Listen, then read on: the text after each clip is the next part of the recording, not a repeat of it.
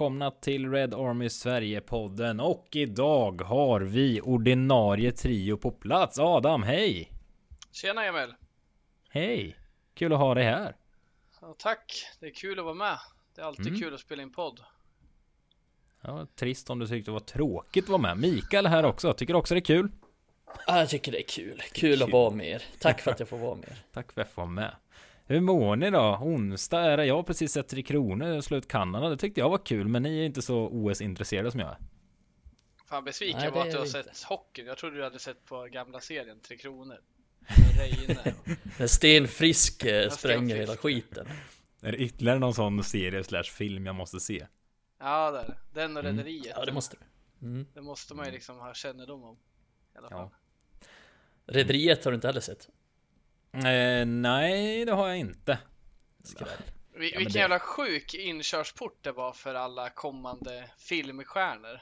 Eh, alltså klart, det knarkades nog en del. Alla jag är med tänker först och främst på att de blev jävligt duktiga där. Eller alltså de, de kom igenom. Det var som, det här är första scenen innan man blir stor. Det var typ det Micke Persbrandt har varit med där och till och med Skarsgård har varit med där. Yes, de kanske var kända Vilken innan, det säger inget om. Alla men jävlar. Nej, men det är väl Stellan tror jag som är med där. Mm. Det är jättemånga kända, stora profiler som man kanske tänker, vänta nu, vad gör de här i den här dassiga serien? Men den var ganska stor på den tiden. Men det var också typ 300, 300 karaktärer. Per Morberg, precis. 300 karaktärer. Och så jävla stort. Ah, per jävlar. Morberg. Jag minns bara Per Morberg i skådespelartagen när han var rövhalt i Hem till Midgård. Det tyckte jag var kul. Ja. det var bra humor när jag var tio. Gud vad jag skrattade. Jaha, hamnar vi här istället. Jag som hoppades att man skulle få snacka om att Foppa och Henrik Lundqvist sitter och snygga i OS-studion, men eh, nej. Foppa är alltid snygg. Mm. Alltid cool i alla fall. Mm. Ja, vi snackade om det lite innan, att eh, Foppas utbrott så att vi Det är sånt vi diskuterar innan vi börjar spela in Vilket ja. år det var han eh, skulle ge på Börje en smäll ja. Det var både hån och hot mot Börje Tänk om ja. det hade hänt idag Tänk om liksom Diogo Dalot hade sagt det om Mike Dean Han är både skallig och han ska ha en smäll Han ska, ska vi ge på Han är så jävla kass han Men åkte han på något straff Foppa? Vet vi det? Har någon grävt det? Blev han avstängd Nej. eller något? Borde han rimligtvis blivit. Det ska Fast han gräva i. Nej men det var väl hans sista match och ja, sen jag tänkte säga det, han drog till NHL och kom aldrig mer tillbaka. Fick inte vara med i en match i lockouten sen typ. Alltså, jag kan det vore kul om Det vore kul om han blev avstängd sen. Han kom ju tillbaks typ 2000 någon och gjorde några matcher. Ja. I SHL, det vore kul att bara, nej du är ju avstängd efter ja, att du, exakt. du hotar Börje 16 år fem, för 15 år sedan. Får inte heller glömma klippet eh, med han eh, Björklöven-supporten Modoröv. Just det. Ja, han är fin Foppa. Han ska hyllas. Vi skulle behöva en Foppa i United, det känner jag. Ja, någon som vill något i alla fall. Mm, ungefär så. Lite... Men är det inte lite mer tål, alltså man tål väl lite mer hockeyn? Det finns ju något klipp när Per Ledin skriker att Tommy Salo är en fet jävla tattare eller någonting. Liksom... Du tjockis? Ja. Nej men Salo! Det, känns Nej. som man, man tolererar Luleå-dialekten. Luleå. ja men sen, sen är det väl, det är ju Per Ledin och Emil Kåberg som skriker till videodomaren att pucken är inne. Så pekar han och skriker. Din tjocka ja. jävla tattare. Det är så det är ja. Sitter Jag blandar ihop alla dessa hånfulla klipp. Det är bara massa hån i hockey. Ja, nu är måget rottat. ja, ja. ja, är det är kul. Fan, flyger hockeyn högre i sådana sammanhang? Kanske gör. De kommer närmre på något sätt. Måste vara det. Men men, eh, ska vi sluta prata om det roliga och prata om United istället tänkte jag säga. Eh, det är lite kul för vi vann ju faktiskt igår tisdag mot Brighton, en välbehövlig seger. Eh, sen sist vi spelade in podd så har vi eh, lyckades vi såklart spela 1-1 också mot Southampton. Eh, hur många 1-1 matcher kom vi upp i då? Tre va? Eller var det fyra? Tre? Tre måste det varit. Burnley, Southampton och Middlesbrough. Mm. Ja, ja. Uselt var det i alla fall. Men eh, något bara, vi ska absolut inte fastna i Southampton-matchen. Men eh, alltså något som slog en, eller som jag tar med mig är att Sancho gjorde en kasse och han har ju varit på uppåtgående. Tar ni med in något annat från den matchen? Bara kort. Ja, men alltså jag tyckte ändå själva spelet i matchen var ju inte katastrofalt. Det var ju till exempel om vi tar nu matchen mot Brighton nu så tycker jag att vi spelar sämre mot Brighton än mot SA-15. Eh, men sen, sen var det ju som det har varit då. En bra halvlek, en dålig halvlek och lite så var det ju mot Brighton nu också. Så, så jag tar väl med det typ att Sancho var bra, Pogba var bra igen tyckte jag mot SA-15 och den bra halvleken. Men det är ju som Hassenutel sa efter matchen att United pressar bra i 30-40 minuter. Men de är inte vana att pressa mer än så. De är inte vana att pressa i 90 minuter. De har inte tränat för att pressa i 90 minuter. De har inte haft en, liksom, en hel försäsong eller en hel säsong med samma tränare som har, som har drillat dem i det. Så att det, det är väl en av anledningarna till varför United bara är bra i perioder också. Mm. Ja, som sagt var det ytterligare en 1-1 match där. Um, om vi går vidare, som sagt, vi ska inte fastna vid den matchen, utan igår slog vi ju Brighton med 2-0 och det var ju lite tvärtom för de tidigare matcherna som du är inne på, Micke, var ju har vi ju faktiskt startat bra och gjort bra första halvlekar eh, överlag. Igår var det tvärtom, alltså vi hade ju inte en sportmössa under första halvlek mot Brighton hemma. Vad, alltså vad hur känner ni kring det? Med, med tanke på just att vi presterat bra i tidigare första halvlekar. Var det att Pogba inte var med eller vad, vad tänker ni att det, att det berodde på? Jag, jag tänker att eh, eh ja, det är absolut Pogba är en anledning. Alltså, vi hade jättesvårt att eh, kontrollera bollen och få ner den och eh, etablera ett eget spel. Det blev väldigt mycket eh, Lattjo Lajban tycker jag av fel anledningar. Jag kan tycka i vissa matcher att det är bra att det blir ett rakare spel, men men då måste vi ju vinna duellerna när vi slår längre och det gör vi inte den här matchen. Jag tycker Brighton är både bättre i spelet och bättre i intensiviteten. Så, så Ronaldo, Sancho, eh, Langa har ju svårt att få ner bollarna som kommer och på centralt mittfält har vi ingen chans. Så där är ju Pogba en orsak. Men jag tycker även att, att någonstans för att väva lite tillbaka till eh, SA-15-matchen så känner jag väl att med Pogba på planen så är vi ganska bräckliga defensivt också med honom och McTominay. I den här matchen är vi fortsatt bräckliga defensivt. Jag tycker ändå vi vinner lite mer boll eh, med McTominay och Fred på mittfältet. Men jag tycker deras insats är på tok för dålig. Det är för mycket felpass och det är ju de två som ska se till att vi kan etablera ett spel om några och vi klarar inte det mot Brighton vi har ingen chans. Som ni nämner, vi är ju helt överkörda i första halvlek. Ja, men jag tycker, alltså överlag så tycker jag att de är rätt bra i duellspelet, Fred och McTominay. De brukar vara ganska bra där, det brukar inte vara så stort problem. Men i den här matchen i första halvlek, då förlorar de alldeles för mycket dueller. Och när de gör det, då, då gör de ingen riktig nytta eftersom de är så, så pass begränsade i, i passningsspel och i speluppbyggnader och sådär. Eh, så jag kände väl mest det, att de var så jävla svaga och förlorade dueller och passningsspelet brast. Så därför tycker jag att vi, en stor anledning till, till varför vi tappade och sen hade det säkert varit bättre med Pogba för att jag vet inte riktigt om jag håller med dig. Pogba är ändå bra i duellspelet. Mm. Kan jag tycka. Så han är ingen sån som kommer att vinna sista, sista glidtacklingar allt för ofta. Men, men han vinner ändå ganska mycket dueller. Men jag ser ju Pogba helst som, nej men i ett tremanna mittfält till exempel. Och jag tror också att jag hade kunnat få ganska svårt, säg att vi spelar med McTominay och Pogba. Jag tror att det hade kunnat brista ännu mer defensivt, precis som du sa Adam. Mm.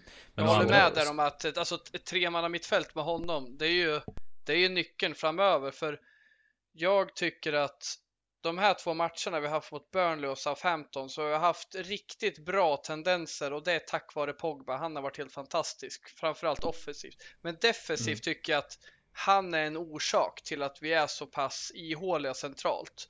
Och framförallt är det McTominay, men för att snacka om Pogba, det är lite intressant tycker jag att ta upp. För han är vår viktigaste spelare just nu, för det är faktiskt han som det är han som är katalysatorn som ser till att Sancho ser ännu bättre ut för han tar rätt beslut vid rätt tillfälle. Men samtidigt är han inte tillräckligt strukturerad som central mittfältare. Han behöver, precis som Jalkemo var inne på förra avsnittet, en eh, städgumma bredvid sig och det klarar inte McTominay. Det klarar inte Fred heller. Så där mm. känner jag liksom att Pogba har varit fantastisk att komma in för han har fått oss att liksom börja spela och jag tror att eh, Ragnik ser en, en möjlighet nu i vår. Men det har varit på tok för ihåligt och det tror jag att eh, det är därför faktiskt han, han eh, inte startar honom den här matchen. Jag tror han är rädd för att vi behöver vara lite mer strukturerade centralt. Tyvärr blev vi inte det för McTominay och Fred var som sagt riktigt dåliga. Men jag tror dels såklart han vill vila honom lite, men jag tror inte han jag, jag, tror han inte riktigt är nöjd med McTominay och Pogba som duo efter de här två matcherna där vi har varit ihåliga. Jag, jag är med på dig Pogba... där Mikael att eh, Pogba absolut bra duellspelare men liksom det är ju också ståret. Det tycker, verkar jag, det tycker jag att varken han eller McTominay gör över tid. Nej, de är rätt dåliga i det. Ja, det är de, de rätt är vilsna på, alltså. positionsspel och så. Men ja, det är ju Fred också rätt dålig, men Fred är så pass löpstark och liksom kvick och energisk så att han hinner oftast till dem. De platserna ja. där bollen är, men men ja, vi, vi saknar ju verkligen det på mittfältet, men det är ju inget nytt. Men Adam, tror du inte att eh, Pogba hade startat eh, om det var liksom, om det hade gått en vecka sedan senaste matchen? Tror du inte? Alltså, det, alltså, det är min teori. Jag, jag, jag, förstår ju, det låter ju konstigt att peta han när vi vart så, vart så, när han vart så bra. Men jag känner väl att det handlar inte om Pogba egentligen. Det handlar om att på vårt centrala mittfält måste bli stabilare. Och då kanske han tror att Pogba och Fred är för ojämna tillsammans. De, är, de spelar ju väldigt sällan tillsammans och han vet att McTominay och Fred har varit bra i många matcher. Så, så, så här, jag förstår att det låter tokigt, men jag har inte varit, jag har inte varit nöjd med den duon, McTominay och Pogba, defensivt. Och det hade jag inte sagt om vi hade hållit nollan och gjort mycket mål. Men nu gör vi ett mål per match de här matcherna eh, innan Brighton och vi är för jävla ihåliga. Jag tror han har ett problem med det faktiskt. Men mm. som Mikael är inne på, nyckeln är nog fan att hitta tre manna mittfält för att peta Pogba. Det tycker inte jag är rätt för vi behöver hans fot. Nej, det, går ju inte. det såg vi nu mot Brighton. Vi kan ja, inte ja. spela fotboll. Nej, men, han är ju överlägsen när han kommer in. Ja, ja, herregud. Alltså då märks det ju hur mycket bättre han är än de andra. Men, ja, för han, jag... kan ju hålla i en, han kan ju hålla i bollen centralt med en spelare i ryggen och vänta in att Diogo Dalot tar en löpning och sen slår den i eh, ytan liksom. Det, det kan ingen annan göra. McTominay Nej, spelar hem den och Fred han ja. tappar den liksom. Så, mm. och det, Men... och det, det, är bara Matic egentligen som har bättre passningsfot eller som har, eller som har en bra passningsfot på centralt mittfält utöver Pogba. Men han är ju för mm. seg istället. så det ja, precis. Vi, nej, vi, vi har ju ingen riktigt optimal där och och det är det som blir så tydligt när Fred och McTominay, jag kan, ju, jag kan ju ofta tycka att de kan vara ganska nyttiga, så här, man använder dem rätt, man vet deras begränsningar och sådär. När man väl accepterar dem, men igår tycker jag att de var helt lost liksom, båda två. Och speciellt då i första halvlek. Så men... när vårt, liksom, när vårt begränsade innermittfält blir ännu, ännu sämre, ja men då, då är ju hela laget i trubbel. Mm. Och det, det ser vi ju tydligt i första halvlek speciellt. Jag tänker också att, som du är inne på Adam, att eh, ja, men Ragnik är nog inte nöjd och Pogba är inte särskilt bra defensivt i grunden så. Och, och där är eh, McTominay och Fred är liksom bättre där. Men jag tänker också å andra sidan, för det tänkte jag på när Ragnik bytte in Pogba igår istället för Fred. Då tänkte man ju så i första läget kanske, oj, vi ska ju försvara en ledning här, ska, ska han verkligen göra så här? Men sen efter bara två minuter på planen så kände jag att jo, det här är fasen rätt någonstans mm. ur en defensiv synpunkt också. För Pogba kan få tag i bollen och det, alltså, man får inte bara stirra sig blind på så här hur duktig är man på att jaga en boll och springa och vinna glidtacklingar. Utan en del av försvarsspelet är ju på, eller alltså allt hänger ju ihop och Pogba gör ju att man inte behöver försvara sig lika, lika ofta och lika, lika länge. För han kan suga in en boll och fördela den. Så det tänker jag också är en del i det hela som man måste faktiskt väga in när man bara tänker defensiva egenskaper så att säga. Att det är, det är en egenskap som väger upp så pass mycket att jag kan nog ta faktiskt att han är inte lika vass defensiv som Fred eller McTominay. Men han vinner, när han väl får bollen så behöver vi inte försvara efter två sekunder igen för han gör något bra med den. Så det... Ja men exakt. Ja, men det, det finns ett gammalt uttryck som säger att eh, anfall är bästa försvar och det är ju egentligen det du förklarar. Att ja, bättre, typ vi har bollen så. så kan ju inte de hota oss och eh, jag tycker att det är väl lite där Ragnik säger efter matchen att vi behövde vara vi behövde, behövde vara hetare i andra halvlek och ha, publiken vill inte se oss bli överkörda av Brighton. Och det är väl lite det att de, de trycker upp er, låg jävligt lågt i första. Jag tycker att de tar tag i matchen med den intensiteten.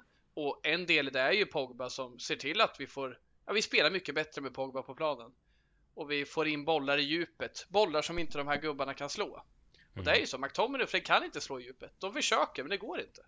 Och Nej. Bruno slår sina chanspassningar när han liksom Ja, han har så jättesvårt att värdera om det är rätt läge, men han skiter i om det är rätt läge, för han vill bara få till någonting. Ja. Och där är Pogba bäst av alla. Men för vi har ju extrema brister i spelet med boll. Det är vi ju alla överens om. Alla som lyssnar på det här också gissar jag. Annars, annars är det något märkligt. Men eh, alltså vi har ju andra spelare som också är problematiska i spelet med boll. Alltså vi, vi har ytterbackar som inte är särskilt vassa i det här spelet överlag. Vi har mittbackar med rejäla begränsningar där, framförallt Maguire kanske. Vi har en målvakt, det ska inte förringas som liksom han kan ju inte slå en passning i princip. Men alltså det absolut största problemet är ju på innermittfältet. Det har vi pratat om förr, men alltså igår det blev så smärtsamt tydligt återigen tycker jag. Alltså McTominay och Fred, de är alltså de är skrämmande usla med bollen. McTominay mm. gömmer sig alltid. Han vill ju inte ha bollen och Fred han slår ju bort den. Alltså det är inget nytt det här. Alla vet om det. Alla som lyssnar på det vet om bollen det. Men, lite för mycket. Ja, men alltså det, det går inte de att komma bort De är så dåliga passningsspelare. Det är helt ja, sjukt hur dåliga de är faktiskt. Jag blir upprörd här och nu alltså. Det, det, det, alltså det, det är hädiskt att se. Det är sorgligt att det här är ett innermittfältspar i Manchester United. Jag tycker det. Inget ont om dem. De har sina egenskaper båda två, men alltså vi kan inte föra en match mot något lag i princip. Det, Nej. det är helt ta mig fan otroligt alltså. Ah. Vi kan inte fastna i det. Nej, jag var bara tvungen att få ur med det. Det blev så smärtsamt uppenbart igår alltså. Jag tyckte det. Men eh, nej, Pogba lär vara tillbaka i helgens match mot eh, Leeds. Skulle jag gissa i alla fall. Ja, det är han. Men eh, en annan sak som är lite på det här ämnet. Eh, tänkte jag läm lämna över stafettpinnen till dig Adam, för du hojtade på oss igår om det, att du, du reagerar på att det är så tydligt i hur mycket bättre tränade andra lag är. Och då menar vi inte bättre tränade rent fysiskt alla gånger. Utan då menade väl du mer spelmässigt, hur man tar emot en boll, hur man rör sig och så vidare. Att i princip alla lag vi möter är väldigt mycket bättre på den fronten. Vill du utveckla? Hur tänker du kring det? Ja, men alltså jag började ju tänka på det egentligen mot Villa när vi mötte dem och där var det. Jag tycker inte Villa är så jävla vad ska jag säga, utstickande tekniskt. Eh, men det kan jag komma till sen med Brighton. Men, men just taktiskt tyckte jag att nu möter vi ett Villa här och vi har bättre spelare på de flesta positionerna. Men när de hamnar i trängda lägen så vet de alltid hur de ska spela sig ur. För de har ett mönster att spela efter och de är trygga med varandra. Och det är inte så att de här spelar med varandra i alla år. Liksom. Det är många spelare som byts in och byts ut. Så det, det finns liksom, vad, vad, vad, är förklaringen till det? Jo, men de tränar väl tillsammans och tränar rätt grejer. Och som du pratar om Fred och McTominay, jag vet inte om de ens har blivit coachade sedan de anlände till klubben. Jag vet inte om Mourinho och Solskär ens har prioriterat passningsspel, teknisk träning sedan de kom. Och, och det här jag pratar om nu tycker jag är ännu tydligare med Brighton. Fan, det är ju inte en spelare där som inte vet vad de ska göra med bollen. Och visst, de vinner inte mot oss, men det är ju för att vi har, vi har köpt oss kvalitet och vi har en enorm kvalitet i våra spelare, både från externa håll där vi har köpt in och som vi har skola i klubben. Men, alltså, de, de är mycket bättre än oss i spelet. De är mycket bättre i varenda touch de tar. De är mycket bättre när de får press mot sig och vet hur de ska hantera bollen. Bissoma, om han hade kommit till United för två år sedan, då skulle vi inte se samma spelare idag. Han har blivit världsklassskolad. Mm. Jag tänkte och, på det också. Det var många alltså, som skrek efter, oh man vill ha Bissoma i laget. Jag tänkte, ja det vill man, men jag tänkte på samma sak som du säger här. Det hade inte ja, sett Fred, ut så här. Fred gled in Paul Trafford och gjorde överstegsfinter i sina första matcher på centralt ja. mittfält. Han trodde han var kung i dalen, Allan i dalen. Alltså, han, han var ju, han är en skolad spelare, men det känns ju som det stagnerar något så in i helvete när man kommer till klubben. Och vi var eniga där några stycken just i vår interna chatt att det känns inte som Mourinho har prioriterat det. Det, det, det är ganska hundra på det inte han gjort. Han har prioriterat andra taktiska grejer, inte teknisk träning. Och Solskär, där har vi, det vet inte fan vad vi har tränat på, men jag upplever ju inte att det är så många som utvecklas under de här åren. Men, men det jag vill Nej, komma till poängen där, det, ja, men jag känner det och, det och det är liksom Brighton, den är lätt att säga. att de är bra tekniskt skolade, taktiskt skolade. Det vet alla, men just till och med ett lag som Villa är bättre. Och ändå vinner vi mot de här lagen för vi har sån jävla kvalitet. Och tänk om vi kunde smörja kvaliteten, om vi kunde utbilda de här gubbarna och coacha dem hela tiden. Inte bara köpa in dem och tro att det ska fortsätta vara bra för all evighet. Alltså, Maguire kommer ju inte vara lika bra hela, hela sin karriär om han inte skolas. Och liksom, vi måste ju utveckla det som de gör bra och sudda bort det de gör dåligt. Och det sker fötter, de kanske alltid kommer vara dåligt, förmodligen, för det verkar ju inte vara någon som tränar på det. Och Fred och McTominay, ja, de kanske ska börja träna på passningsspel som att de har en vital del i vårt spel där man måste kunna hålla i bollen och slå bra passningar. De kan ju inte slå 10 meters passningar utan att de går snett. Och det mm. kan jag säga att det kunde Fred innan han gick till United. Det var Men därför vi värvade han för stora pengar, för han är en, det är en bra spelare i grunden. Men lägger du det här enbart på tränarna vi haft Mourinho, Solskär och Rangnick är väl svårt att beskylla, han inte varit så länge. Eller riktar du mot spelarna också att det är deras ansvar? Eller tänker du liksom, ja hur Men jag tänker typ som McTominay går nog inte att göra så mycket bättre passningsspelare. Det tror jag inte. Jag tror att Fred skulle kunna ha skolats, men jag tror han har blivit lite störd i att bli en, en bollvinnare istället för den total mittfältaren vi kanske hoppades på när vi slantade in en jävla massa pengar. Sen tänker jag, mm. Wan-Bissaka tror jag inte kan bli så mycket bättre i passivspelet. Vi har haft diskussioner om hans inlägg. Ja, de kanske kan bli eh, som man inte kräks när man ser dem. Men eh, passivspelet kommer aldrig bli bra. Touchen kommer aldrig bli bra. Men sen har vi andra spelare som är riktigt, som är bra, som jag tror kommer bli sämre om vi fortsätter i den här takten och inte prioriterar teknisk och taktisk träning. Taktiken tror jag kommer bli bättre. Men den tekniska träningen, jag tror fan inte vi har tränat på det på hur länge som helst alltså. Jag tycker det, Nej, en, det... jag tycker det finns en riktigt bra passningsspelare i United utöver Pogba och det är Luke Shaw. Det, han, han har jättebra touch och han slår sällan bort bollar.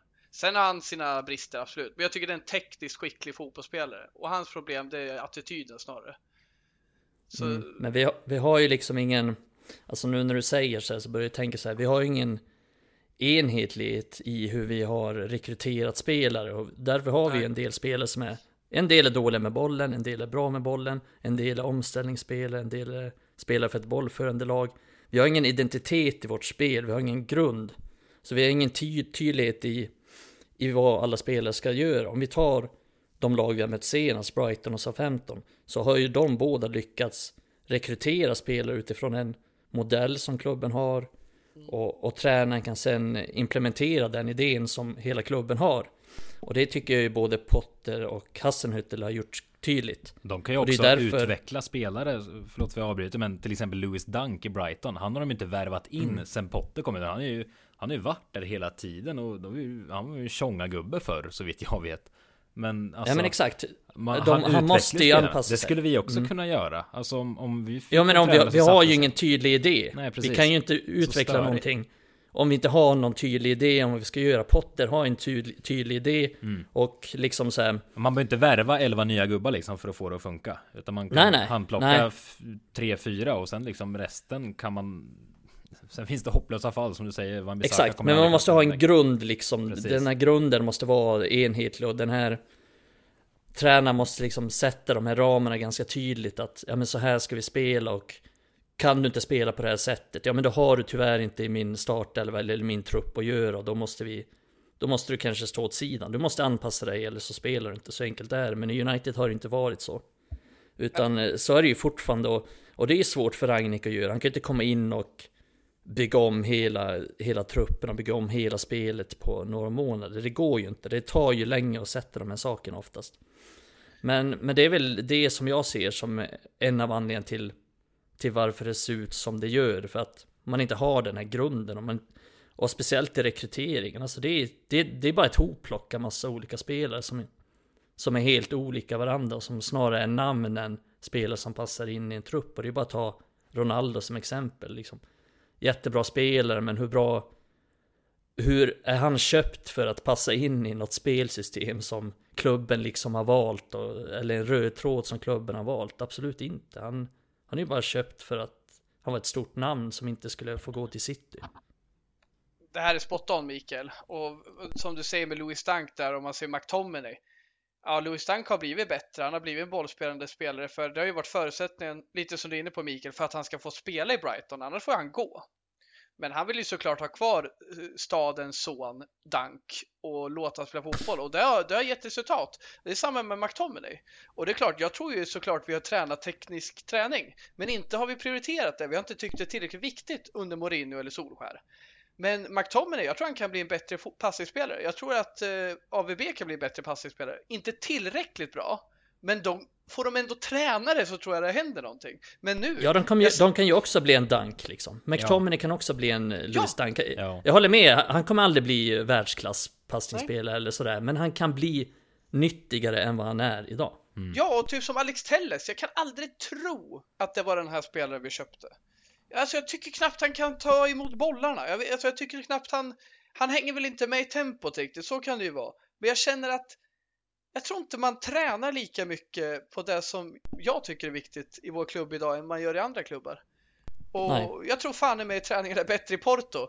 Och det där, jag har ju varit kritisk till vår tränarstab, men det är samma nu. Det spelar ingen roll. Alltså vi måste ju börja sätta de här ramarna du är inne på Mikael och det tycker jag är så jävla spot on. Vi ska värva rätt spelare för vårt system och de som inte funkar, de ska inte vara här.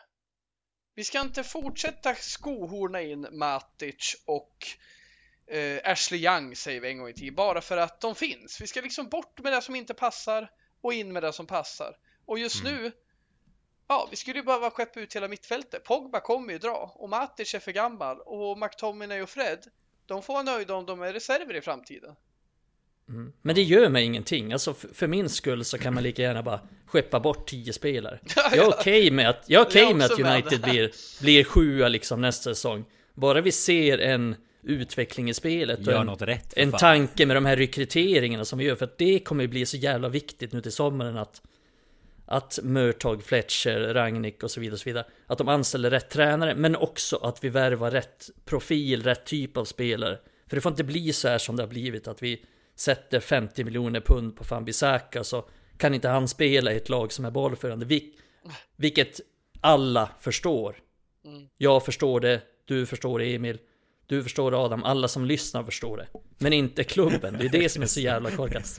Och sen köper man Maguire liksom för en miljard och så ska man stå högt med backlinjen. Men han är ju aslångsam. Mm. Så bara, jaha, det, det är det som är så konstigt och det är det ja. som blir så viktigt i sommar att okej, okay, den spelaren man köper, den kanske inte är världens bästa spelare, men det var inte Mohamed Salah när han kom till Liverpool heller. Men han var rätt profil för det mm. typet av spel de ville ha. Mm. Det är det som blir så viktigt. Det behöver inte vara världens bästa spelare på den positionen, men det måste vara rätt ja. typ av spelare. Jag tycker Salah är ett jättebra exempel, för sätt Salah i i princip vilket annat lag som helst. Jag tror inte han är lika bra som han är i Liverpool, men han passar så fruktansvärt bra in i Klopps sätt att spela och Klopp har liksom byggt det här så passar honom perfekt. Eh, inte alls övertygad om att han skulle göra succé i, säg PSG, eller vad fasen som helst. Jag, jag tror faktiskt inte det. Eller United. Ja, jo, men det vet vi, det hade ingen lyckats, så det är skitsamma.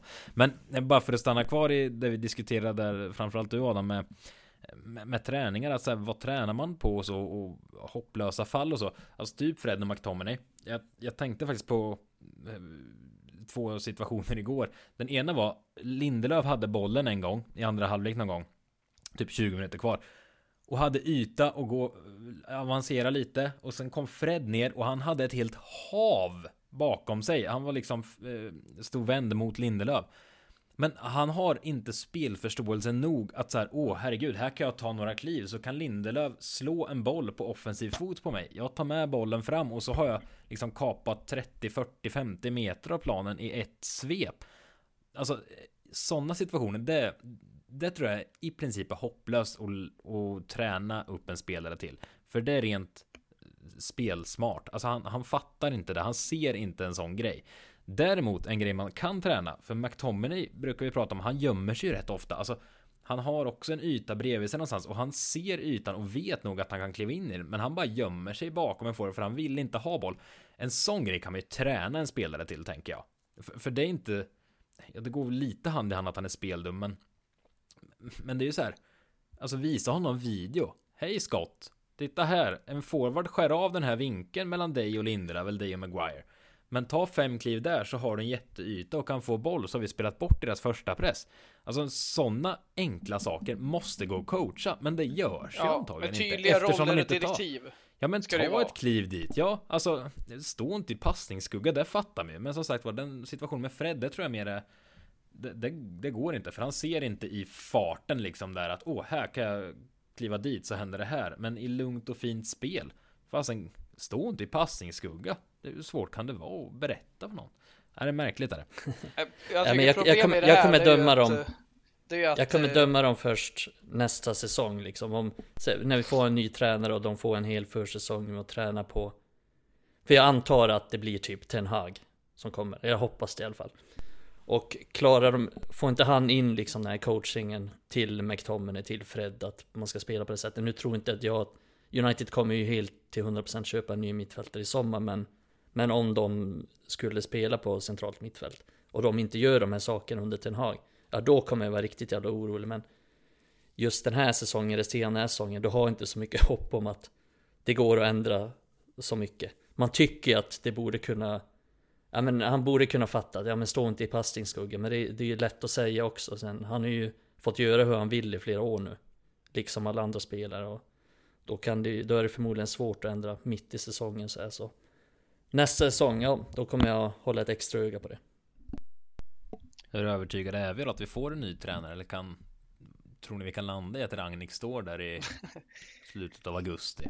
Och är tränare ett år till? Nej det tror jag fan inte. Nej Nej, vi får se. Svårt att se. Mm.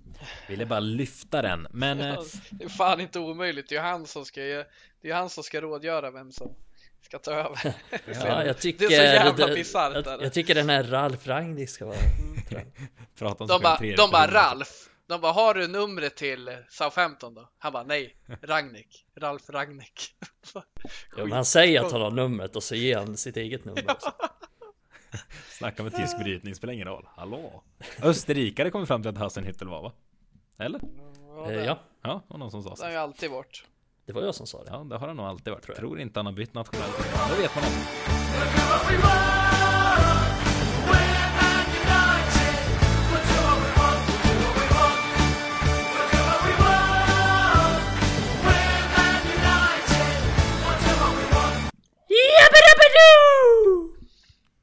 Ja, det kan man också säga.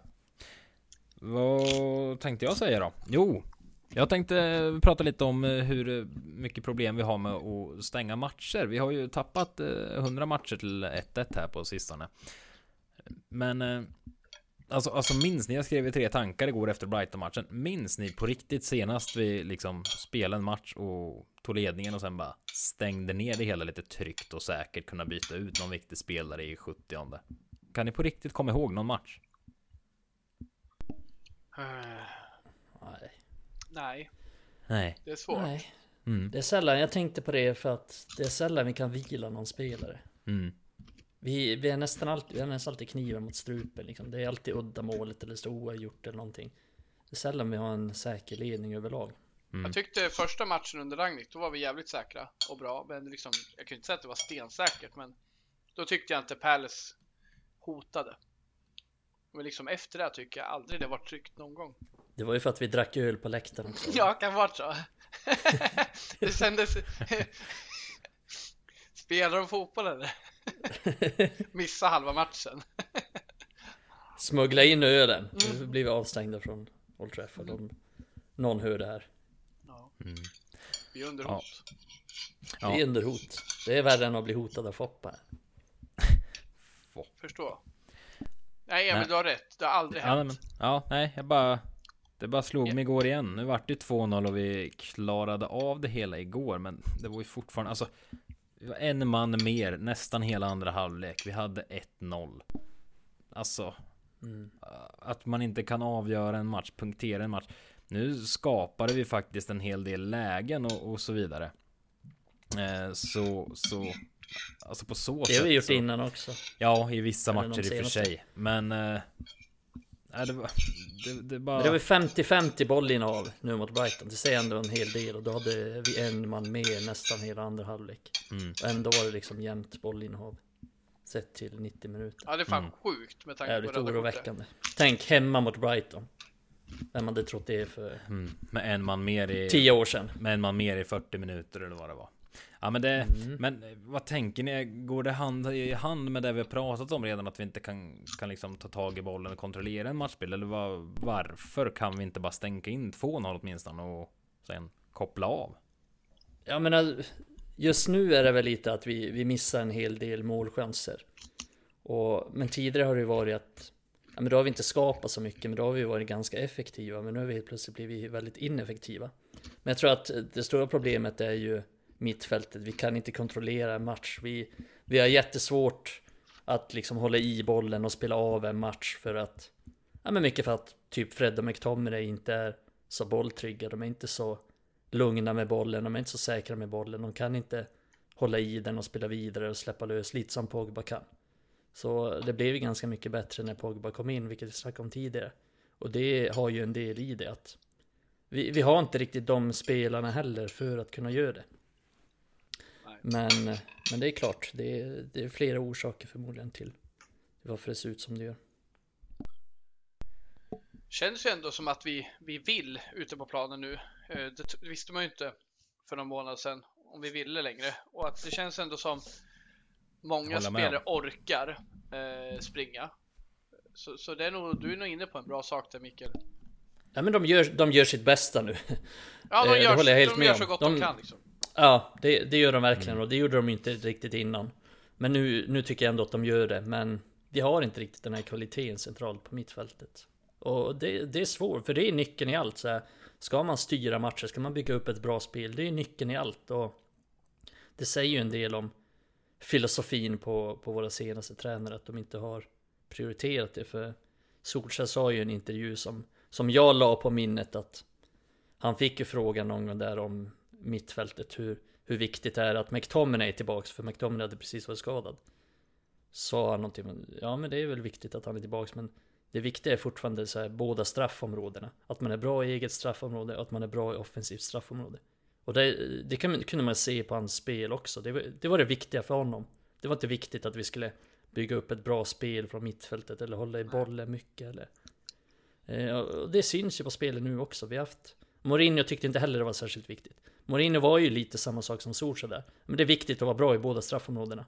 Mm. Och det tycker jag vi ser ett resultat av att vi har haft två raka tränare som, som inte tycker att det har varit viktigt. Och Solskjaer har ju byggt eh, den framgång han hade med laget det gick Och det är han som har byggt mycket av den här truppen också. Det är, han har värvat jävligt mycket. Jävligt ja, men... många av de spelarna som är i truppen idag är Solskjaers värvningar. Så. Ja, ja liksom Fred och McTominay, de var ju när de var bra under Solskär, då var det bollvinnare. Det var inte att de skulle styra några matcher. De skulle vinna boll och så skulle vi ha transition i anfallet och ta oss snabbt till motståndarnas straffområde.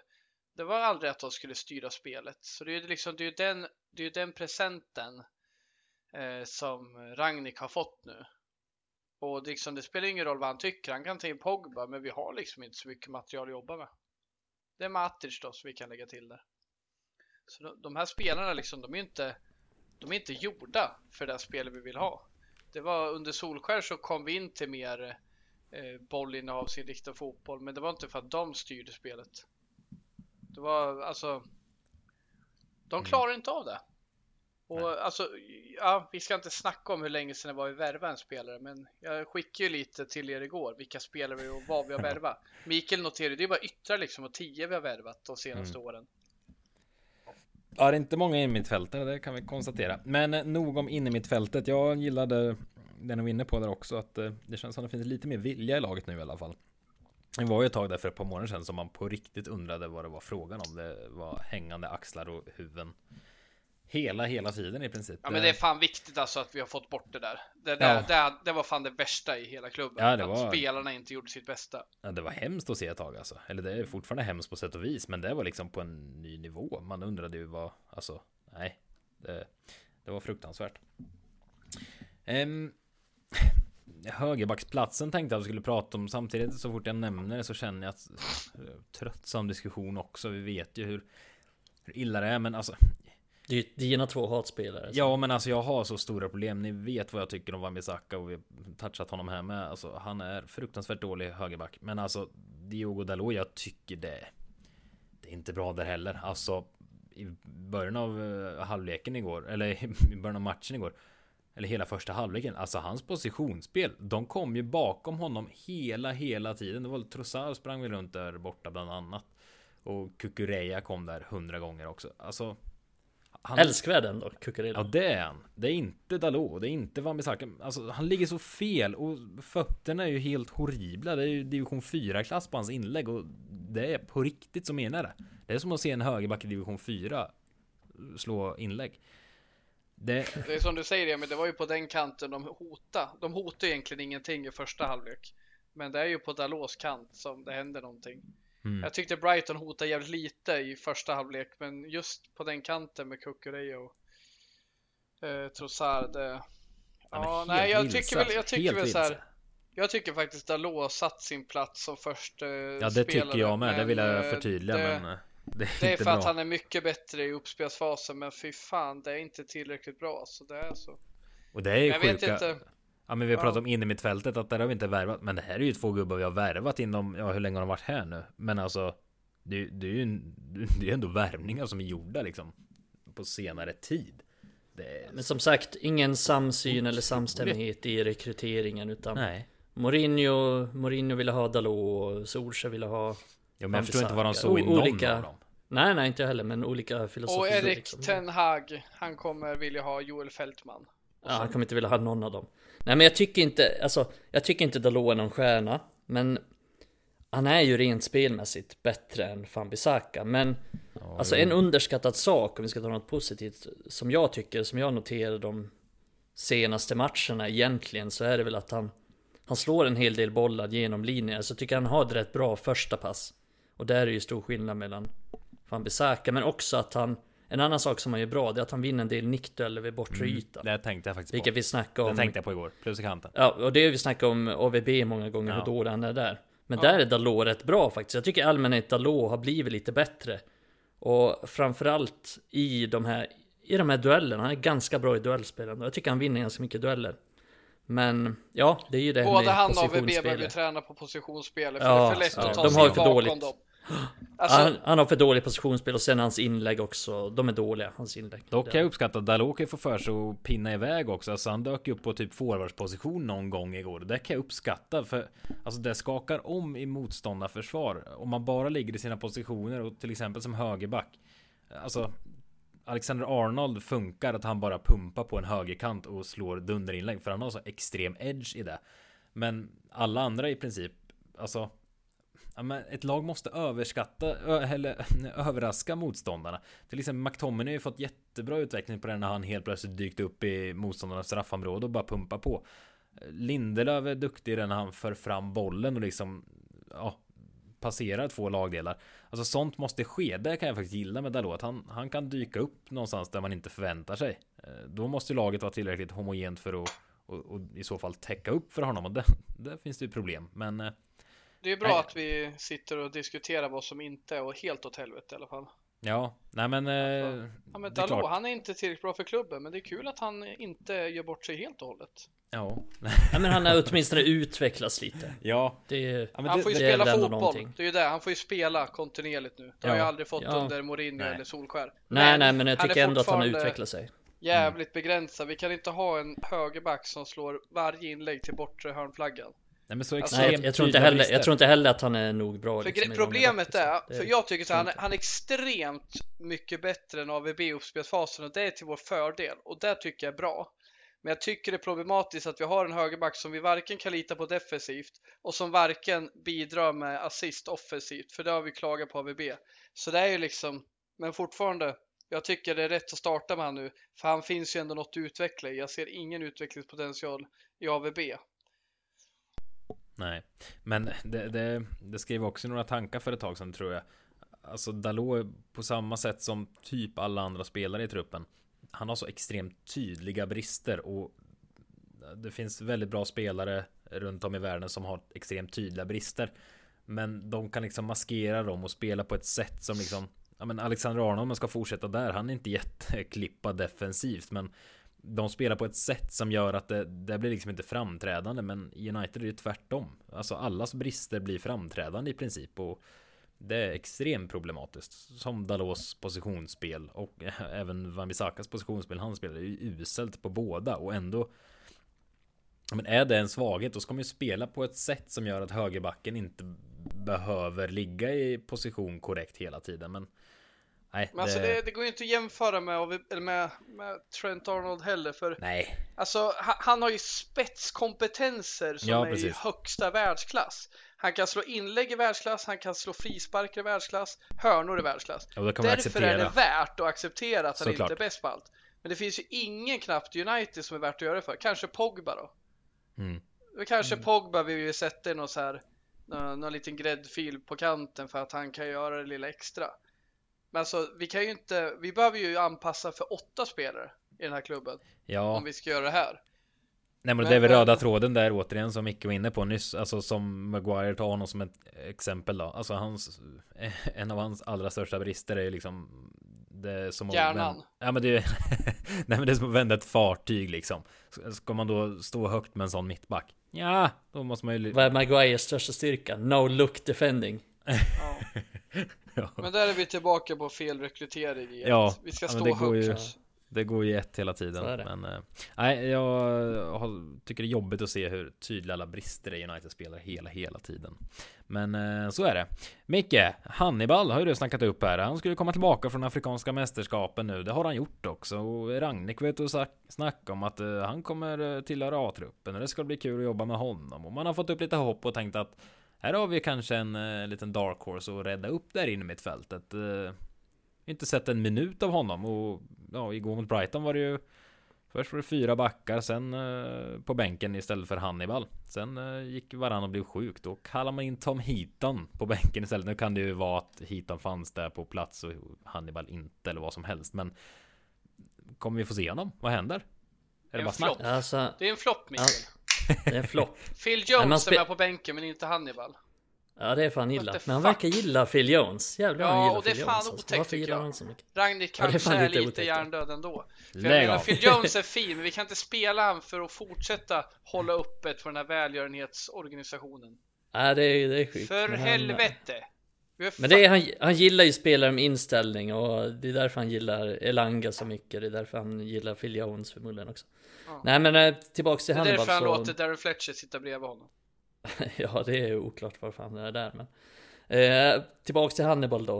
Eh, anledningen till att han inte var med det var för att han spelade en träningsmatch med U23. Men varför han spelade den matchen istället för att vara med på A-lagets poäng, det kan man ju fråga sig.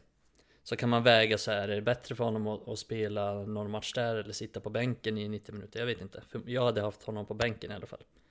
Eh, och definitivt för Phil Jones och definitivt för Tom Heaton. Jag förstår, jag har rätt svårt Mata. att förstå logiken med att Ja, Det finns alltså, flera jo, alltså det...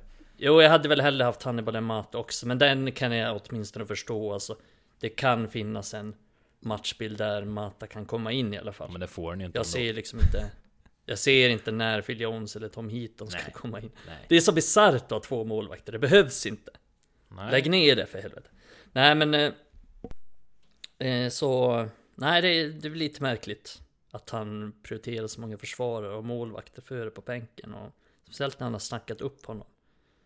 Vi eh, har inte John att... O'Shea längre.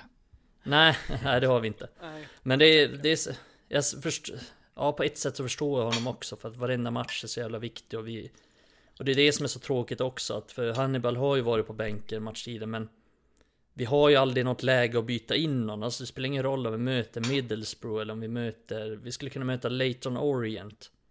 Och deras U23-lag, det skulle ändå stå 2-1 eller 1-0 i liksom 88 minuten. Så det finns aldrig något läge att riktigt kunna skola in en spelare eller ge chansen. Men samtidigt så måste han ju vara modigare där också att verkligen våga ge chansen i ett kritiskt läge för han är ju liksom inte sämre med bollen än vad Fredde McTominay är och och jag kommer ju tillbaks igen till det här med 4-3-3 och där skulle ju Hannibal också vara bra på mittfältet i ett 4-3-3. Alltså spela typ Pogba och Hannibal och kanske Fred eller något sånt. Så, så får vi... Så Bruno i falska nian? Ja, det, det, ja, det är den jag där. jobbar på. Det är den jag jobbar på där med Jaha. Bruno som falsk nia där, få upp den jäveln där. Mm. Så han kan vara där och hetsa målvakterna med sin tokpress. Mm. Ja, vi får se om vi får se Hannibal någonting eh, under vårsäsongen här. Något lär han väl, kan jag tycka. Det är så tunn trupp nu på något sätt. Eh, skeppat bort en del. Så någonting borde vi väl få se honom. Eh, återstår att se. Vad, eh, något annat som kan varit otroligt viktigt mot Brighton måste vi ju faktiskt säga. Våra två portugisiska målskyttar. Bruno brände han har ju bränt något ofantligt mycket de senaste matcherna och liksom öppet mål och det i princip straffläge och ja men det han har ju bränt Ronaldo också faktiskt. Ja Ronaldo båda också. o, Oväntat mycket för båda de brukar vara jävligt effektiva men båda har varit ja, verkligen. ineffektiva. Men eh, båda fick göra mål igår. Det ena snyggare än det andra. Eh, Eller ja, Brunos var också snyggt men eh, på, på ett annat sätt på något sätt. Eh, Ronaldos mål om vi börjar där. Vi har ju varit väldigt kritiska mot Ronaldo senaste matcherna Ja, alltså det har varit det hela säsongen egentligen. Men tidigt i höstas så räddades han ju ändå av att han spottade in en hel del mål och framförallt väldigt viktiga mål. Men nu när målen uteblivit och det är inte bara mål som, alltså man kan vara liksom grov och forward i Frankrike och gjorde inte en kasse när de vann VM. Men han liksom tillför något ändå. Det tycker inte jag Ronaldo har gjort alls senaste matcherna. Alltså, alltså otroligt för det var, det var ju en kasse också. Herregud, var det small eller? Det var skitsnyggt. Ja, det var. Men hur mm. viktigt mm. men, det, men det är ju för att han... Ja, men det, om vi bara ska gå in på det här med Giroud-kopplingen så... Alltså Ronaldo är ju ingen bollmottagare. Han är inte bra i länkspel. Han är inte bra, särskilt bra i djupledsspel heller. Så att han är inte bra i spelet. Han är inte det längre. Tyvärr. Men han är en bra målskytt och, och det visade han ju i det här målet. Och framförallt tycker jag att han höjde sig betänkligt i andra halvlek mot vad han har visat de tidigare matcherna. Ehm, sen är det ju svårt att se det hålla säsongen igenom eftersom jag menar, han, han, är gammal och han är inte lika bra längre. Men kan han liksom blixtra till och göra de här målen, ja då kommer han ju fortsatt vara viktig framöver men det är det som har varit problemet, precis som du säger med att han, han, han har inte gjort de här målen och då har han blivit i princip meningslös för att han bidrar inte särskilt mycket på andra sätt. Alltså gör han inte mål så bidrar han inte särskilt mycket. Eh, så jag tror, men det var nog viktigt alltså både för hans och Brunos självförtroende att, att få de här målen. För de, som jag sa innan, båda har missat ganska många chanser innan.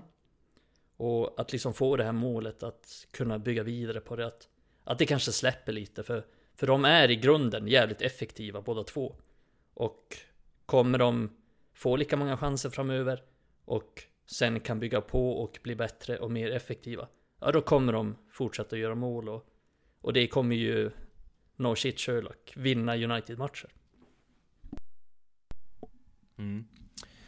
Ja, oerhört viktigt tror jag att eh, de fick göra mål, eh, båda två faktiskt. Eh, Rangningsbyten tänker jag att vi ska beröra lite. Eh, Micke, du skrev det igår när Telle stack upp där bytte man in på vänsterkanten. Det så jag Ragnik skrev, eh, eller han sa efter matchen att eh, det var helt enkelt för att stötta upp eh, på Ja, på våran vänsterkant.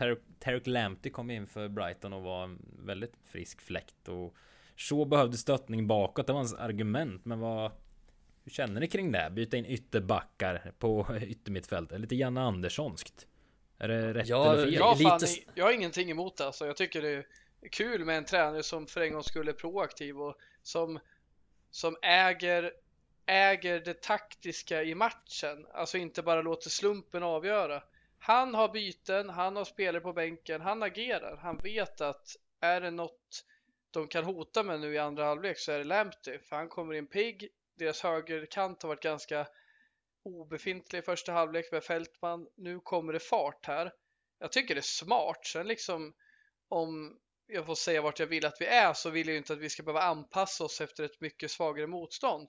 Men jag tycker det är kul att han ändå agerar. Han har, och han vill ju gärna berätta det i intervjun för han är väl, han är ju nöjd med sitt agerande. Så jag gillar det. Sen om jag tycker att vi varje match kollar på så, nej det hade varit tråkigt. Att vi ska ta in ytterbackar på ytterbackar. Men jag älskar mm. proaktiviteten. Jag saknar det. Och jag har inte riktigt sett det förrän kanske nu från Ragnik att han är proaktiv i matchen. Jag tycker han varit rätt trög i matcherna innan.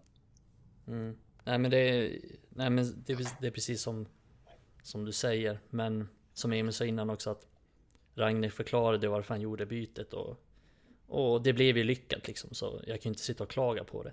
Men jag kan ju tycka att det är lite sorgligt att behöva vi är en man mer hemma mot Brighton och så måste vi göra den typen av byten. Det, det är ju någonstans bara där. Man vill ju inte att United ska vara i det läget men, ja, men jag fattar varför han gjorde det och jag fattar varför han gjorde det och, ja. och det funkade så. Fair enough. Om man återvänder till det här med att stänga matchen. Hade vi haft 3-0 så hade jag antagligen inte gjort det. Då hade ju vad vet jag, nu har vi inte så mycket spännande. Men hade en Hannibal då funnits på bänken hade ju Hannibal fått hoppa in tidigare kanske. Lingard hade kunnat rastas i 25 minuter. Men, eh, ja, men så illa tvungen och liksom Poängen måste in och han gör desperata åtgärder tänkte jag säga. Men ja, det är lite pro, proaktivt som du säger eh, Adamsson någonstans. Ja, någonstans kul. Mm. Men, men, men det är fan det som glad ser, jag har inte sett det sen Mourinho, att liksom det finns något taktisk ägarskap över matchen, att man känner att ja, men jag kan påverka på riktigt. Det har ju varit mm. under all kritik under Solskär och funkat ändå för han har kunnat haft ganska bra matchplaner där han inte behövt agerat på det här sättet. Men jag tycker fan i mig, jag tycker ändå befriande att se någon som tänker till. Sen får jag förstå Mikaels poäng och det är lite det jag är inne på. Jag vill ju inte att det här är United som de ska vara, absolut inte. Men jag gillar ändå tanken. Jag gillar att man vågar gå utanför ramen och inte bara göra samma trygga pissbyten. Känns inte heller helt ofarlig Typ Sancho, alltså, alltså vad skulle Sancho göra på planen? Jag ja, tänkte nej. komma in på det. Jag tycker han varit jättedålig i andra halvlek i flera matcher i rad. Fantastisk i första, älskar att se honom. Framförallt mot Burnley tyckte jag han var bra med Shaw och de verkar ha en rätt fin connection. Så inte riktigt där nu mot Brighton, men jag tror det finns något där att jobba på. Det kan bli bra, men jag tycker fan han måste ju leverera hela matcher. Det är för att han får för lite boll i perioder tror jag. Ja, jag tycker att han är lite för, Det går i perioder liksom där han inte får någon. Ja, ja sen tycker jag att han eh, spelar hem den istället för att uh, kliva fram, vilket han gör i början.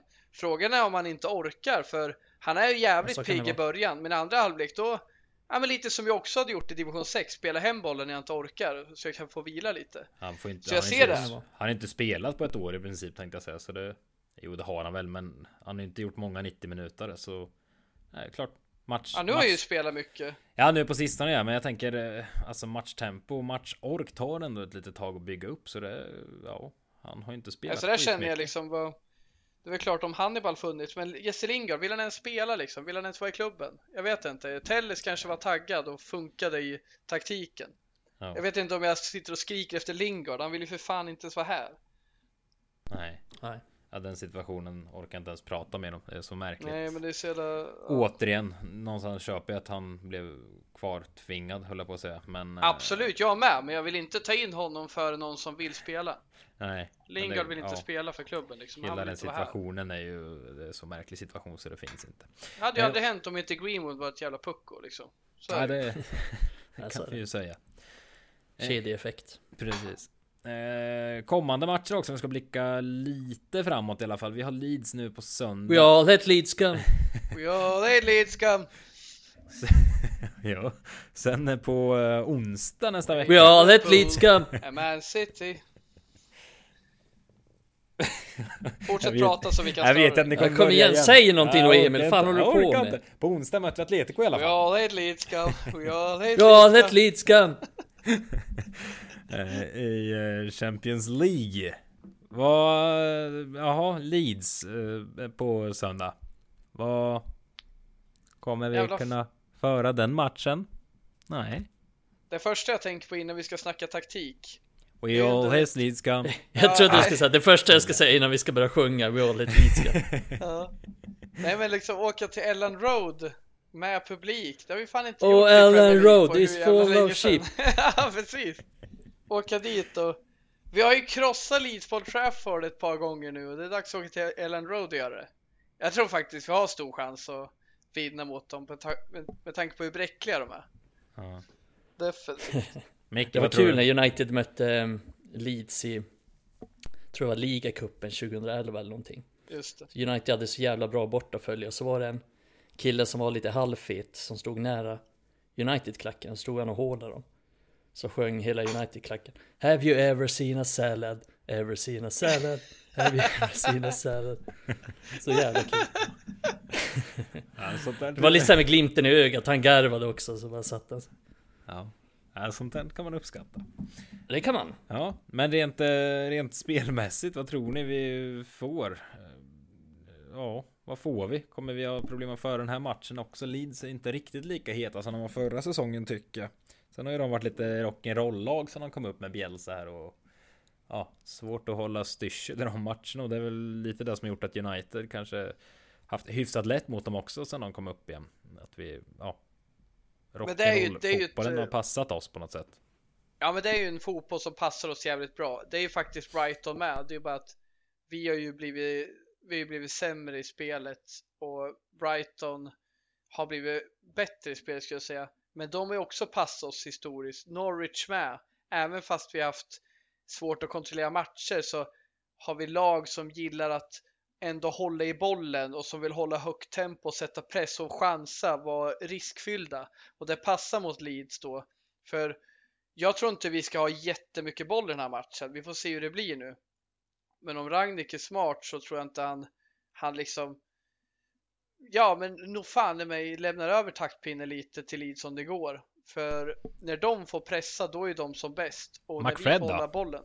McFred är ja, ja, nej det tycker jag inte. Det Ge bort bollen. För, för, för, jag tycker så här, jag tyckte väl det var en smart grej om han nu vill täppa till centralt, att han gör en förändring. Vad det nu är, Rangnick. Men bra att han för, försöker. Men jag känner ju att det blir inte bättre än McTominay och Fred nu mot Brighton som mot eh, mot eh, Leeds ser jag gärna att Pogba är tillbaka. Jag skulle faktiskt kunna se både Matic och Pogba mot eh, Leeds. För jag gillar inte Pogba och Fred så jävla mycket. Men bäst av allt vore tre man av mitt fält, men det tror jag inte händer. Hade du, du velat se, jag tänker att det blir, kan bli en ganska intensiv match mot Leeds som det ofta kan bli. Tror du Matic passar i det? Ja, det kanske han inte gör. Det är, det är nog fan en bra poäng. Han kan nog vara men lite det... seg där, men jag vet alltså ha en bättre bredvid Pogba, det är nog det jag är ute efter. Mm. Men just om vi ska se till matchen, så jag skulle nog inte sakna Pogba heller egentligen, för det är så jävla intensivt. Det kommer vara mm. kontringar och det kommer, vi kommer inte vara så att Leeds backar hem när Pogba håller i bollen. Tvärtom kommer att sätta hög press på honom. Mm. Ja, men jag ser också gärna då ett, ett tremanna mittfält och, och det ser jag gärna alltid så. Jag ska väl nämna det igen. Vem är falsk nia? Eh, Bruno såklart. Oh. Men, men, vi Aha, kanske ska Bruno. tillbaka till, Aha, vi kanske ska tillbaka till Pogba McTominay som mot Southampton och Burnley. Bara att skillnaden är att vi lär göra tre mål i den här matchen och inte bara ett. För vi har varit nära att göra mål mot Southampton och Burnley. Och vi kommer göra mycket mot Leeds så det gör ingenting att vi inte har ett helt jävla solitt centralt mittfält. Så jag skulle nog gilla McTominay och Pogba. Bra att du säger det Mikael. Jag tror fan inte Matic skulle passa så jävla bra mot dem. Jag tycker Nej. att den matchen passar McTominay bra. Han är väl dessutom eh, skadad. Sen vet jag inte om han är tillbaks till matchen mot Leeds, men han har ju missat Nej, det är sant. Senaste. Han har missat senaste. Ja, jag... Men om vi ser att vi nästa match. Jag, jag, skulle inte, om vi ska ha Pogba på mittfältet. Jag, jag har upplevelsen att jag tycker Matic har funkat bäst för Pogba. Eh, mm. Eh, de senaste åren. Sen är det inte så att Matic blir yngre och bättre. Men jag, det är min bild. Att ska Pogba ha någon bredvid sig så är det Matic. För han är den som har bäst egenskaper för att skydda honom. Och det tycker jag inte Fred och McTominay har. Men McTominay och Pogba. Jag tycker ändå att funkar helt okej okay, som att vi skapat grejer offensivt i de tidigare matcherna. Men defensiven, där är det inte tillräckligt bra som sagt. Mm. Jag vet, jag vet inte riktigt vad jag tycker. Alltså jag tycker Pogba måste vara på planen för han är vår bästa mm. fotbollsspelare whatsoever. Jag skiter lite i matchbilder ett tag. Alltså någonstans, alltså vi har inte jättemånga spelare som är duktiga på att spela fotboll om ni förstår vad jag menar. Jag tycker verkligen att de måste Pogba vara med där. Sen förstår ja, jag att han behöver sin vila här nu och så vidare. Sancho till höger. Ja, Då har vi fortfarande ja, ett kissigt centralt mittfält. Ja, jag menar det. Men vi behöver samtidigt också snabbhet fram. Mm. Känns som. Ja. Det är det som har funkat mot Leeds tidigare. Att vi har Absolut. Tycker snabba du, i omställningarna. Vad tycker ni om ja, eh, förresten en uh, annan fråga? Alltså mittbackspositionen måste vi ändå diskutera nu någonstans. Det har vi gjort många gånger förr, men inte Phil Jones, lägg av nu. Det är inte ens kul längre. Nej, men Lindelöf är tillbaka här nu och ja, men många trodde väl kanske att Maguire skulle bli förpassad till bänken när Lindelöf dök tillbaka från. Uh, ja, det var inbrott och det var sjukdom och det var hej kom hjälp mig men eh, Maguire och Varan fick ju fortsätta. Lindelöf satt väl två matcher på bänk i alla fall va? Men nu försvann Varan på grund av sjukdom. Hur tänker ni framöver här? Alltså vill ni vill ni att Ragnik nu sätter ett mittbackspar och ni spelar varje match? Eller vill ni se någon form av liten rotation? Att Lindelöf passar den här matchen, Maguire den här? För jag gissar att ni vill ha varann hela tiden. Hur, hur tänker ni frågan? Vill ni ha ett mittbackspar eller snurra lite? Någon populist är han inte i alla fall. Nej. Med tanke på att han ville starta Maguire igen trots att 99% av supporterskaran, nu var jag nästan snäll, ville att Maguire skulle bli bänkad. Nej men jag ser väl, alltså rent generellt så tycker jag att man inte ska rotera mittbackar allt för mycket utan man ska ha ett fast par som spelar de flesta matcherna och sen är det klart att man kan ändra ibland, speciellt när det blir mycket matcher men eh, jag hade ju valt eh, Varann och, och Lindelöf i nuläget och, och särskilt mot Leeds också tror jag. För, för jag tror att det är det bästa paret mot, mot just Leeds och sen, sen kan det finnas matcher där Maguire passar bättre Såklart, och jag tycker Maguire var helt okej okay, liksom. Han spelade ju upp sig från de från de senare matcherna så att det är svårt att säga att Ragnik gjorde fel som som valde Maguire eftersom han var ändå hyfsat stabil och United höll nollan och sådär men men jag hade nog startat Lindelöf och Varann just den här matchen i alla fall och försökt spela in de två som ett par. Det tror väl jag är det, är det bästa. Jag håller med där i kontinuiteten. Eh, den förespråkar jag med och när jag tittar på våra matcher också här framöver. För, för jag vill ju inte vara så jävla osmidig att ja, men bara för att eh, Lindelöf och eh, Varann är med nu så ska vi inte ha med Maguire när vi möter det här fysiska laget liksom med nickstarka spelare. Men när jag tittar liksom Leeds, Watford, Man City, Spurs, Liverpool, Leicester. Ingen av de här matcherna skulle jag sakna Maguire i, för jag tycker, och det finns till och med statistik på det, att Lindelöf och Varann är de som har hållit flest nollor. Och jag tycker de är tryggast. Eh, Vad fan händer nu? Börjar Adam läspa som fan eller? Ja, jag, tyckte han började, jag tyckte han började sluddra. Jag funderar på om han dragit i sig ett par pints här. Ja, det har jag gjort, men vad fan. Jävlar vad du började läspa så här plötsligt. Skickade i dig tre shots när Hörde ni vad jag sa alls eller? Ja, jag hörde vad du jo, sa, jo, men du började. Jo, jag hörde vad du sa, men jag kunde inte tänka på något annat. Jag blir mer oroad. Du är ju barn. Fan vad otäckt. Jag håller på att packa ihop här. Stroke som håller på att komma. Nej, men de här... som Bosse Pettersson där i Viaplay-studion någon gång när han bara satt och stirrade. Han hyll, du gillar ju bara Bosse för att han hyllar Phil Jones. Phil Jones är den nya Paul Scholes. Ja, ja just det. Kommer du ihåg när Bosse Pettersson och Sladjan började bråka i studion? Oh, är... Jag visste att du skulle dra upp den, du drar alltid upp den. Säkert fem gånger har jag hört Adam säga. Ja, Säkert jag, fem gånger har jag hört det säga Sånt där hatar jag vet jag är ju konflikträdd och allt möjligt. Får ja, men Bosse liksom pekar på Sladjan bara Jag vet inte vad den där säger där borta. Ja. Han säger den där liksom. Nej men kommande motstånd, det känns inte som jag saknar Maguire i någon av matcherna så men, men liksom mot Everton om vi möter Calvert Lewin, absolut ta in honom, nyttja honom som resurs. Men jag känner, det känns tryggt att vi möter de här lagen för det skulle passa Lindelöf varandra jävligt bra och faktiskt komma ihop med varandra. För det är olyckligt att Lindelöf eh, behövde åka iväg liksom med familjen. Allt olyckligt det där såklart, men det funkar så jävla bra med dem tycker jag. Och eh, jag saknar inte Maguire på samma sätt, så jag tycker inte han är värd att starta. Men mm. Lindelöf brukar ju också, det var 0,0 statistik på eller så, men min magkänsla säger att Lindelöf brukar vara vass i sådana här matcher mot, mot framstående forwards så på något sätt. Alltså han brukar ha problem när vi möter en jävla, ja, något sånt skicka långt gäng. Ja men det, det, det bara ser mot Brighton. Han, han har ju svårare med Danny Welbeck än ja. han har med någon lite bättre, mer rörlig forward som är. Men han, till exempel då när Welbeck nickar så är ju han Han hänger inte riktigt med där i, i luftspelet. Ja men han är ju duktig Och det är ju fortfarande där han har en del Men Lind, Lindelöf är ju en av våra bättre fotbollsspelare tycker jag i laget. Alltså rent fotbollsmässigt. Mm. Och han gynnas då av att möta ett lag som också spelar bra fotboll.